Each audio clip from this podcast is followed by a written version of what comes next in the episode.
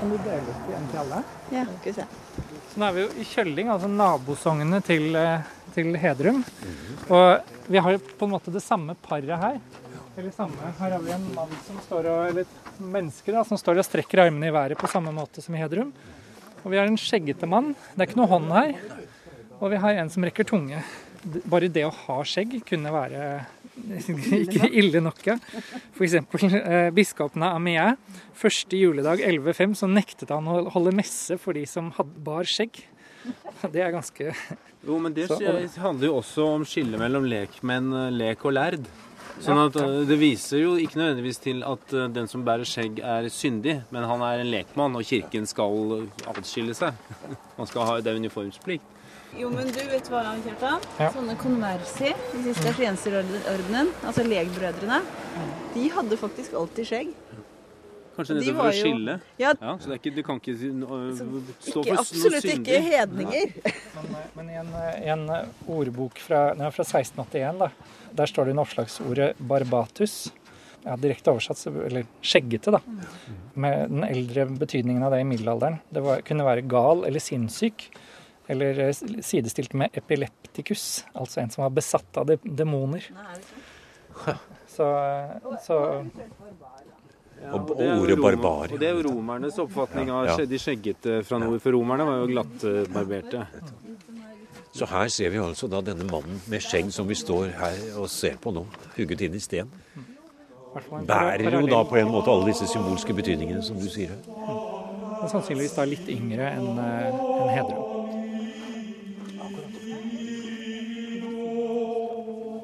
Her har vi hoppet rett inn i grubleseminaret på vei rundt Kjølling kirke i Vestfold. Dette er bare én av kirkene det ble grundig grublet over en fredag i januar, da ti-tolv middelalderforskere saumfor både kirkeinventar, klokker og ikke minst de spennende steinskulpturene på flere av de utvendige dørportalene. Slike vandrende forskermøter har nesten blitt en tradisjon nå, sier en av initiativtakerne, kunsthistoriker Morten Stige, som til daglig er avdelingsleder hos Byantikvaren i Oslo. Ja, nå gjør vi dette for tredje gang, så det er en tradisjon. Vi har før vært på eh, Tingvoll og eh, på Veøy på Vestlandet. Eh, Og nå er vi altså i Vestfold. Og det vi gjør, er å samle sammen en gruppe med eksperter eh, som har en faglig bredde, som kan gå inn i disse tilfellene, da, i kirker, eh, og se på de med ulike øyne og ulik kunnskap så tar vi for oss spesielle, interessante ting, spesielle spørsmål som er uavklarte, og, og definerer spørsmålene i forkant. Eh, Men ha med oss færrest mulig svar, sånn at vi presenterer spørsmålsstillingene for hverandre og diskuterer det i plenum for å få inn mest mulig synspunkter på hvordan ting kan henge sammen. Og prøve å gruble oss frem til ny kunnskap. Tverrfaglighet er viktig da. Tverrfaglighet er viktig. Nå er det riktignok mange kunsthistorikere her, men kunsthistorikere med ulike spesialiteter og interessefelt. Og vi har med oss eh, arkeolog, vi har med oss eh, teologer, historikere. sånn at vi, og, og andre ganger så har vi hatt med oss andre spesialgrupper. Det, kanskje den særeste og, og noe av det mest interessante med denne turen er jo at vi har fått med oss eh, Terje som er kampanjolog. Ikke sant? Ja, klokkespiller. Det er morsomt. Og Kjartan Haugli, hvorfor har da nettopp disse middelalderkirkene i Vestfold, Hedrum, Kjølling osv. Hvorfor er det det som er målet denne gangen? Det er, litt sammensatt. Det er tre grunner. Eh, Den, eh, grunnen til at det skjedde nå, er fordi det kom en jubileumsbok om Hedrum kirke, som feirer 950 år i 2010. Og, eh, og en, flere av deltakerne her er forfattere i, i den boken. Eh, en annen grunn er at eh, den, denne lille gruppen har en veldig spesiell eh, og fin samling eh, romansk steinskulptur, som det er lite av på Østlandet. Og eh, eh, den tredje grunnen er at eh, Vestfold er en hvit flekk på det kunsthistoriske kartet. Det er gjort eh, utrolig lite sammenlignet med Vestlandet og Trøndelag. Eh, Vestfoldkirkene er, eh, er ikke beskrevet i Norges kirker, og er, eh, her er det mye jomfruelig materiale.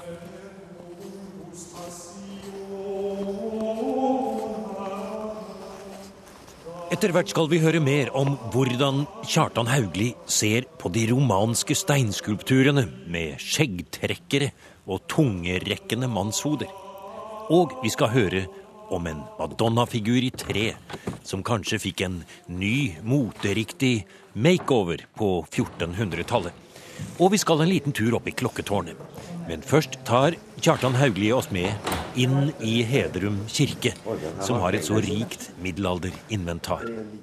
Det første som slår oss, er at hele midtgangen opp til alterringen er dekket av store, rikt utsmykkede gravplater i stein. Sju Ni iallfall her i midtgangen, og så tre oppe i koret. Ja, det er Norges fineste samling. Helt øverst ved koret samler noen av grublerne seg og studerer gravplaten til Iver Jønsson Jernskjegg fra 1570. Kunsthistorikerne Kristin Bliksrud Aavitsland og Kristine Kollerud står sammen med seniorprest Carl Gervin fra Oslo domkirke og middelalderarkeolog Øystein Ekkerhold.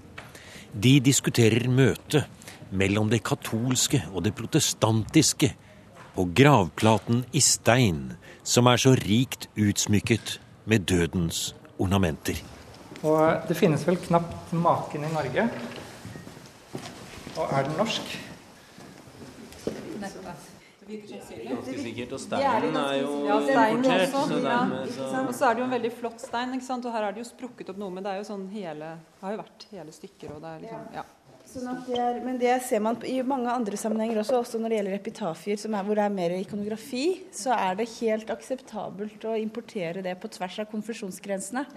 Eh, at det er en, på en måte til tross for veldig, veldig store forskjeller i, i måten i teologien når, når det gjelder hvordan man så på de døde, så kan likevel veldig mange bilder brukes fortsatt eh, på tvers av konfesjonsgrensene. Men, men hvis det er importert, hvor, hvor er det fra da, tror du? Nei, det Jernskjeggene kommer fra Danmark, så jeg ville kanskje begynt å Vi lete behøver der ikke først. gå lenger. da. Nei, jeg ville kanskje lett der Og. Holland er en mulig kilde til den type stein. Sånn at vi er nok veldig fort i protestantisk Det område. Altså, det kan godt tenkes, men jeg vil si at det som er interessant, er, er at um, ikonografien og sånne ting, det er noe med at man finner veldig lignende ting i Sør-Europa på akkurat samme tid. Så, men det betyr ikke altså Det er helt klart at her er det en sånn en kulturell innflytelse som nettopp går litt på, på tvers av konfesjonsgrensene. Og i hvert fall når det gjelder eh, det lutherske, da, hvor man ikke er så streng i forhold til, til dette som i, i kalvinismen og sånn, så er det en del veldig tydelig kontakt. da. Men det er én ting som er ganske påfallende her eh, når vi snakker om det konfesjonelle, og det er denne fromme bønnen til slutt om at Gud må gi dem evig salighet. Mm. For det går veldig på tvers av de lutherske eh, strømningene på denne tiden. Og poenget i de lutherske begravelsene var eh, ikke omsorgen for den døde og overleveringen i Guds hender, men det var talen til de gjenlevende om bot og bedring og eh, håp om et evig liv på den bakgrunnen. Eh, så dette er sånn sett eh, veldig lite i tråd med de nye retningslinjene for hvordan eh, man skulle eh, jorde folk, som det het. Så, nå sto det et sted at, at dette er den eneste kirken i Norge hvor vi har gravplater i, liggende i gulvet, men det er litt feil, Øystein. Nei, det er, nok, det er nok den som har flest i dag, iallfall. Men uh, f.eks. Uh, uh, Værnes i Trøndelag, Lade ved Trondheim eh, har stadig sånne store plater liggende.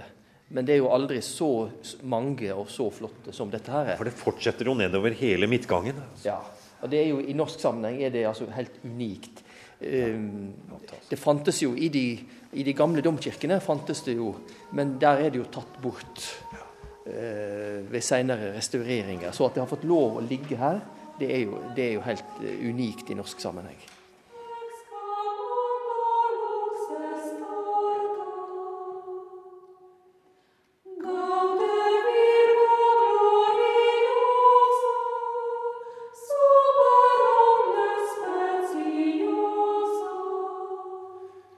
Hvor enn grubleseminaret av middelaldereksperter kaster blikket i Hedrum kirke, får vi stadig nye fascinerende diskusjoner om de forskjellige inventarstykkene.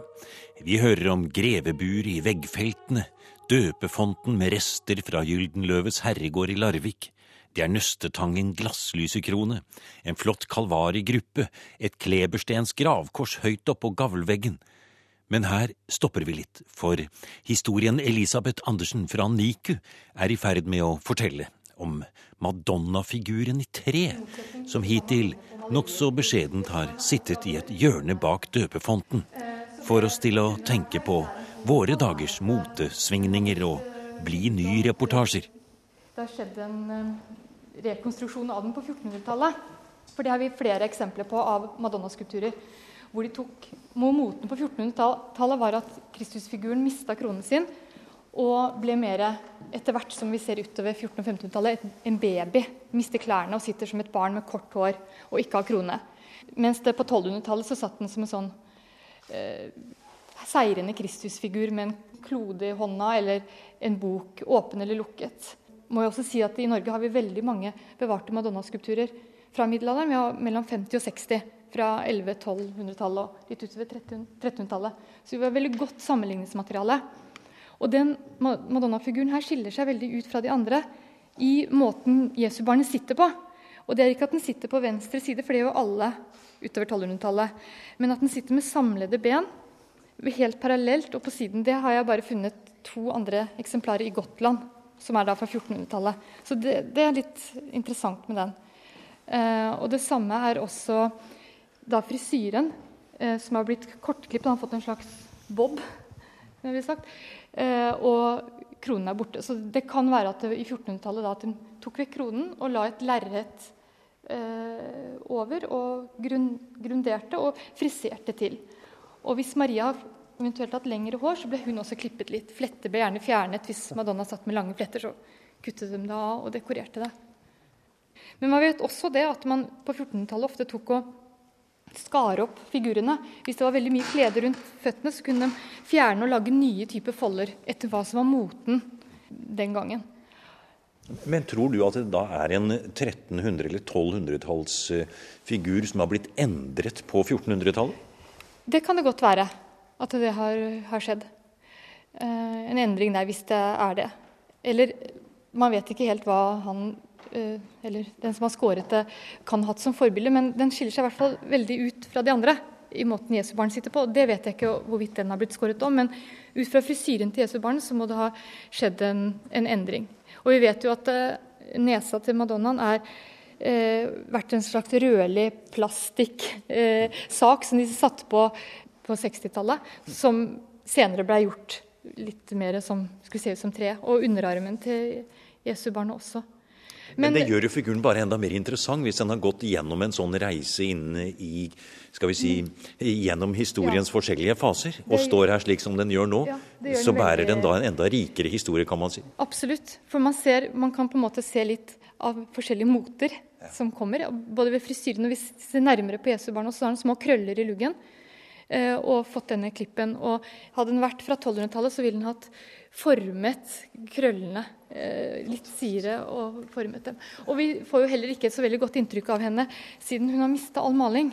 Når du ikke får ansiktsuttrykket, du får ikke disse rosa kinna hun ville hatt, eh, den veldige forgylningen, og, og, tronstolen som er gjerne dekorert på siden i grønt og blått med arkitektonske elementer som vinduer, så hun ville stått i en, en flott prakt. Og gjerne også, som vi heller ikke ser her, ville hun stått enten inni en liten nisje som også ville vært bemalt, eller inni et skap, som de fleste gjorde. Så når du åpnet av dette Madonna-skapet, så ville det komme eh, masse eh, ville det komme en historie med relieffer med bilder som også var bemalt i gull og alle mulige farger. som en sånn og Det er kanskje sånn hun har da vært opprinnelig i kirken da, altså første gang hun ble presentert her. Sånn så har altså reisen gått gjennom en auksjon plassert som en lysestake i en hall, og så kommer nå tilbake i en ganske eh, fattig glans i forhold til det du forteller. Og kanskje akkurat er det sånn også med middelalderen at vi har mistet blikket for hva det egentlig eh, Hvilken rik farverikdom og uttrykksfullhet det var. Og hadde man sett det i sin fargeprakt i dag, så ville man jo synes det vært veldig grelt. For vi ser jo elektrisk lys, og hun ville fremstå så glorete i dag. En, en, det man tenker på som middelalderskulpturer, som litt sånn eh, patina og litt dystre farger, kanskje, eller helt trehvite, mens det egentlig var eh, rik bemalt med sterke farger i som var jo da i en mørkere kirke med belysningen var jo da stearinlys og litt annet enn det vi har i dag. Så hun kom jo absolutt ikke til sin rett, da, slik som hun en gang har vært. Ja, skal vi se.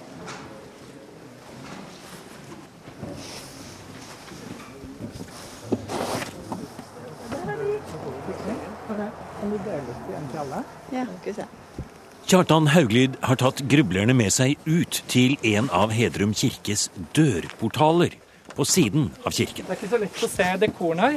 Og det, dette har jo selvfølgelig også vært malt, da. Så det man, det man ser nå, er egentlig bare. Her finnes det to mannshoder hugget i stein, og flere figurgrupper som står i direkte kontakt med måten kirken i Europa ble utsmykket på for 1000 år siden. Alt sammen er en helhet som handler om fortapelse og frelse. Ikke alt kan tydes like lett, men nettopp mannshoder som trekker seg i skjegget, og som rekker tunge, nettopp som hodet her på Hedrum kirke, har Kjartan Hauglid studert i middelalderkirker i Spania og Frankrike. Det å rekke tunge, det har jo eh, i moderne betydning så er det jo det liksom spott og det å drive ap, nærmest.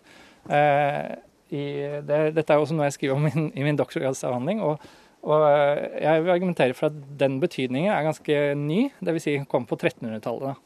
Eh, nå ler de her, men, men fra, fra 700-800-tallet og fremover så, så, hadde det en helt annen betydning. Nemlig det var forbundet med, ja, det var forbundet med straff, da, men, men ble man hengt, så kom tungen ut av munnen. Eh, fysiologisk. Det gjorde den nok etter 1300?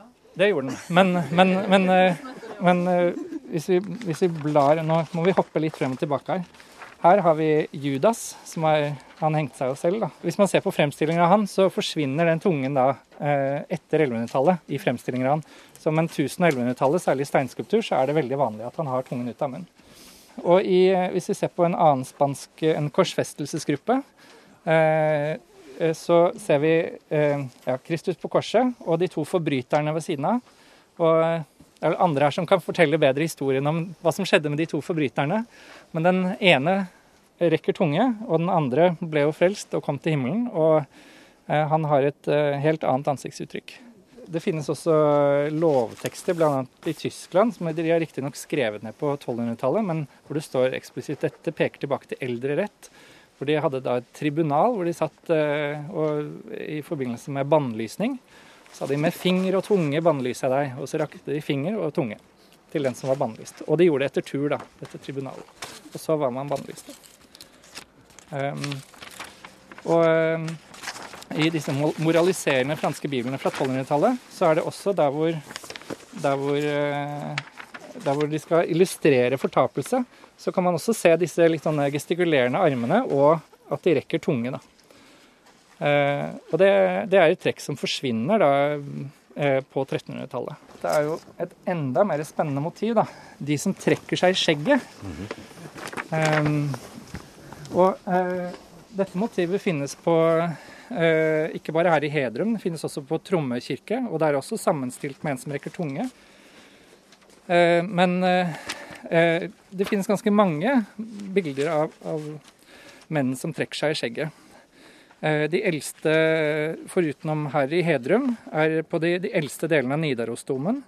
Søndre Tverrskipskapell. Eh, der er det en liten en djevel, han har til og med horn, som du ser på bildet her, og trekker seg i skjegget. Eh, vi finner det i Urnesta avkirke på Gotland. Og til sammen før 1200 så er det flere hundre eksempler på, på menn som trekker seg i skjegget. Da. Og hvorfor gjør de det? Det å trekke seg i skjegget, det, det er et motiv som eh, eh, i hvert fall i kirkekunsten kan føres tilbake til Spania på, på slutten av 1000-tallet. Eh, det går mye lenger tilbake i kristen kunst. Man finner det i det såkalte Barberini-manuskriptet allerede på 700-tallet. Eh, der er det en, eh, en, synder som blir pint av slanger, og han sitter nærmest i en ormegård. Og han er naken og blotter seg og, og trekker seg i skjegget. da. Ofte så har disse også sånn tveskjegg, dvs. Si at det er todelt skjegg som de trekker i. Um, men uh, dette motivet det, i, i, Spania finner man det ofte sammen med musikanter, sjonglører, akrobater, uh, uh, eh, tornuttrekkere, eh, fråtsere, altså de som eh, spiste og drakk mer enn de skulle. De som spiste kjøtt på fredag, og de som forbrøt seg mot, eh, mot loven. da. Så det at han står på hodet, det kan jo enten bety at han er på vei ned i helvete, eller det kan bety at han er en del av disse mer akrobatene som, eh, som var en del av dette repertoaret. Og Hvis den står i motsetning til den som rekker tunge, så har jo han som rekker tunge, han har jo da, så vidt jeg kan se, ikke skjegg. Nei, han har ikke skjegg. Nå var det jo sånn at eh, de, de som hadde skjegg på, på 1000-tallet, de var jo nærmest å betrakte som, eh, som hedninger. Eh, Europa var så å si skjeggløst på 1000-tallet. Langt skjegg det var noe skandinaver og jøder hadde. Eh, muslimene de hadde flere påbud som sa at de skulle klippe skjegget. For å skille seg fra jødene? Ja, nettopp. Det er riktig. Så, så, så vantro og hedninger hadde altså langt skjegg, mens de rettroende de var eh, De klippet Eller barberte seg, da. Men nå hører det med til historien at disse denne motivkretsen da, den oppsto i, i, kloster, et ganske sånn lærd miljø i, i eh, Frankrike og, og, Spania på, på 1000-tallet. I hvert fall innen steinskulptur. Så man må regne med at, de som, eh, at det publikummet det ble laget for først, har, eh, har skjønt ganske godt hva det, hva det, har vært. Så det blir ganske løsrevet ut fra sin sammenheng her, da. Det samme gjelder, De samme type teorier eh, som, blir, eh, som, blir, fremmet i forhold til stavkirkekunsten, de, de, blir også fremmet i forhold til blottere og den type figurer som, som, moderne mennesker har veldig vanskelig for å assosiere med kirkekunst. Sånn som vi finner i hvert fall vår tolkning av dette paret her, som rett og slett viser kjønnsorganene sine på prestedøren. Det er jo helt utenkelig i, i det etterreformatoriske Norge, og i hvert fall 1800-tallets Norge, og i og for seg 1900-tallets Norge. Men, men, men, men, det er, og derfor så har det blitt tilskrevet fruktbarhetsgudinner og all verden, og, og steinhuggeren som morer seg. Men, men, men, man kan jo ikke tenke seg at en sånn plassering ikke har vært del av et uh, kristent program. Og Det programmet må jo ha vært å bevise disse, vise for disse barbarene her oppe eh, hva, hva synd er for noe. De, de var jo lykkelig uvitende om, om synd. Og det må jo ha vært ganske tungt å, å, slå, å slå, inn dette her med synd og få folk til å til å begrense seg i forhold til seksualliv og i forhold til eh, vold og i forhold til mange andre eh, utfoldelsesområder. Som var Bruk av skjegg, f.eks.? Bruk av skjegg, f.eks. Som man hadde, som var del av den norrøne kulturen. Sånn at det var del av en, en viktig kultur hvor man, hvor man, viste frem synden og, vis, og, viste frem hvor dårlig det gikk. Det, det, det, må ha vært et veldig viktig budskap, og et tungt budskap å få igjennom for uh, pre-Olav Nordmann. Nå, nå Nordmenn hadde jo historien med seg, da, fordi eh, selv om 1000-tallet var skjeggløst hele Europa, eh, det kristne Europa, da, så, så, var det en stor endring på 1100-tallet hvor skjegget igjen kom på mote. Og fikk dette lange patriarkskjegget. Og skjegget ble liksom mer tegn på visdom. Og, og, og, hånden eh, som holder om skjegget, det er mer et tegn på ettertenksomhet når man kommer på 1200-tallet. Så dette, dette negative skjeggtrekkermotivet det forsvinner fullstendig på, i løpet av 1100-tallet. Så det er noe som hører 1000-tallet og de tidlige, eller fra 700 og så til ut på midten av 1100-tallet. spille Stig Jakob Stig. Så, men det passer i hvert fall veldig godt vi kan ikke forlate grubleseminaret i Hedrum kirke i Vestfold før vi har fått høre lyden av 1100-tallet. Og da er det bra at en av grublerne er utdannet kampanolog fra Løgum kloster i Danmark. Terje de Groth. Men det er klart at det, hvis vi legger til grunn at de norske kirkeklokkene, eller de kirkeklokkene som finnes i norske kirker fra middelalderen, har hatt de samme utviklingstrekkene som i Danmark og Sverige, så kan vi si at den kirkeklokka som henger her, den har et trekk som viser at den er blant de eldste av sin type. Den klokka her, eh, den klokketypen kaller vi for sukkertoppklokker. Det er fordi at de rett og slett ser jo ut som en gammeldags sukkertopp. Eh, men så, hvis vi ser på slagringen, altså den delen av klokka der kolben slår, den nederste delen av klokka, så ser dere at slagringen er flat her sånn, rundt, og at den går litt innover og nedover. Ser dere det? Den typen vokste fram, eh, hvis vi legger utenlandsk forskning til grunn, på 1100-tallet. Så Rent isolert, hvis vi ser på eh, slagringen på den klokka her og formen, så er det ikke noe i veien for at den kan være fra 1100-tallet. Men vi kan slå et slag og høre.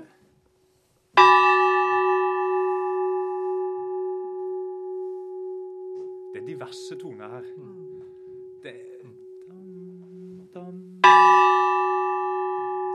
Men det du gjør nå, er å Ja. klemte, ikke sant? Ja. Og det kan man ikke gjøre med en eh, sånn maskin. Nei, det kan man ikke. Og i liturgien i Den norske kirke faktisk ennå i dag, så har en jo bevart de tre ganger tre slag på slutten av gudstjenesten. Altså via mange krumspring og omveier gjennom etter reformasjonen, men så har de faktisk blitt bevart. Så man kan med litt velvilje si at det er faktisk et liturgisk fossil fra før reformasjonen som har blitt bevart ennå. OK. Vi må nesten høre med pressen om det er OK, altså. Det, ja.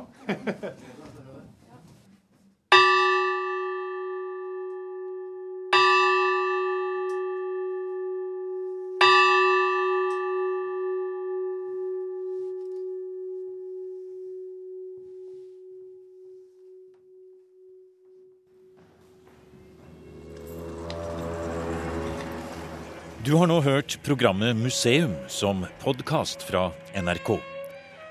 Museum sendes i NRK P2 på lørdager og søndager. Du finner flere programmer på nrk.no podkast.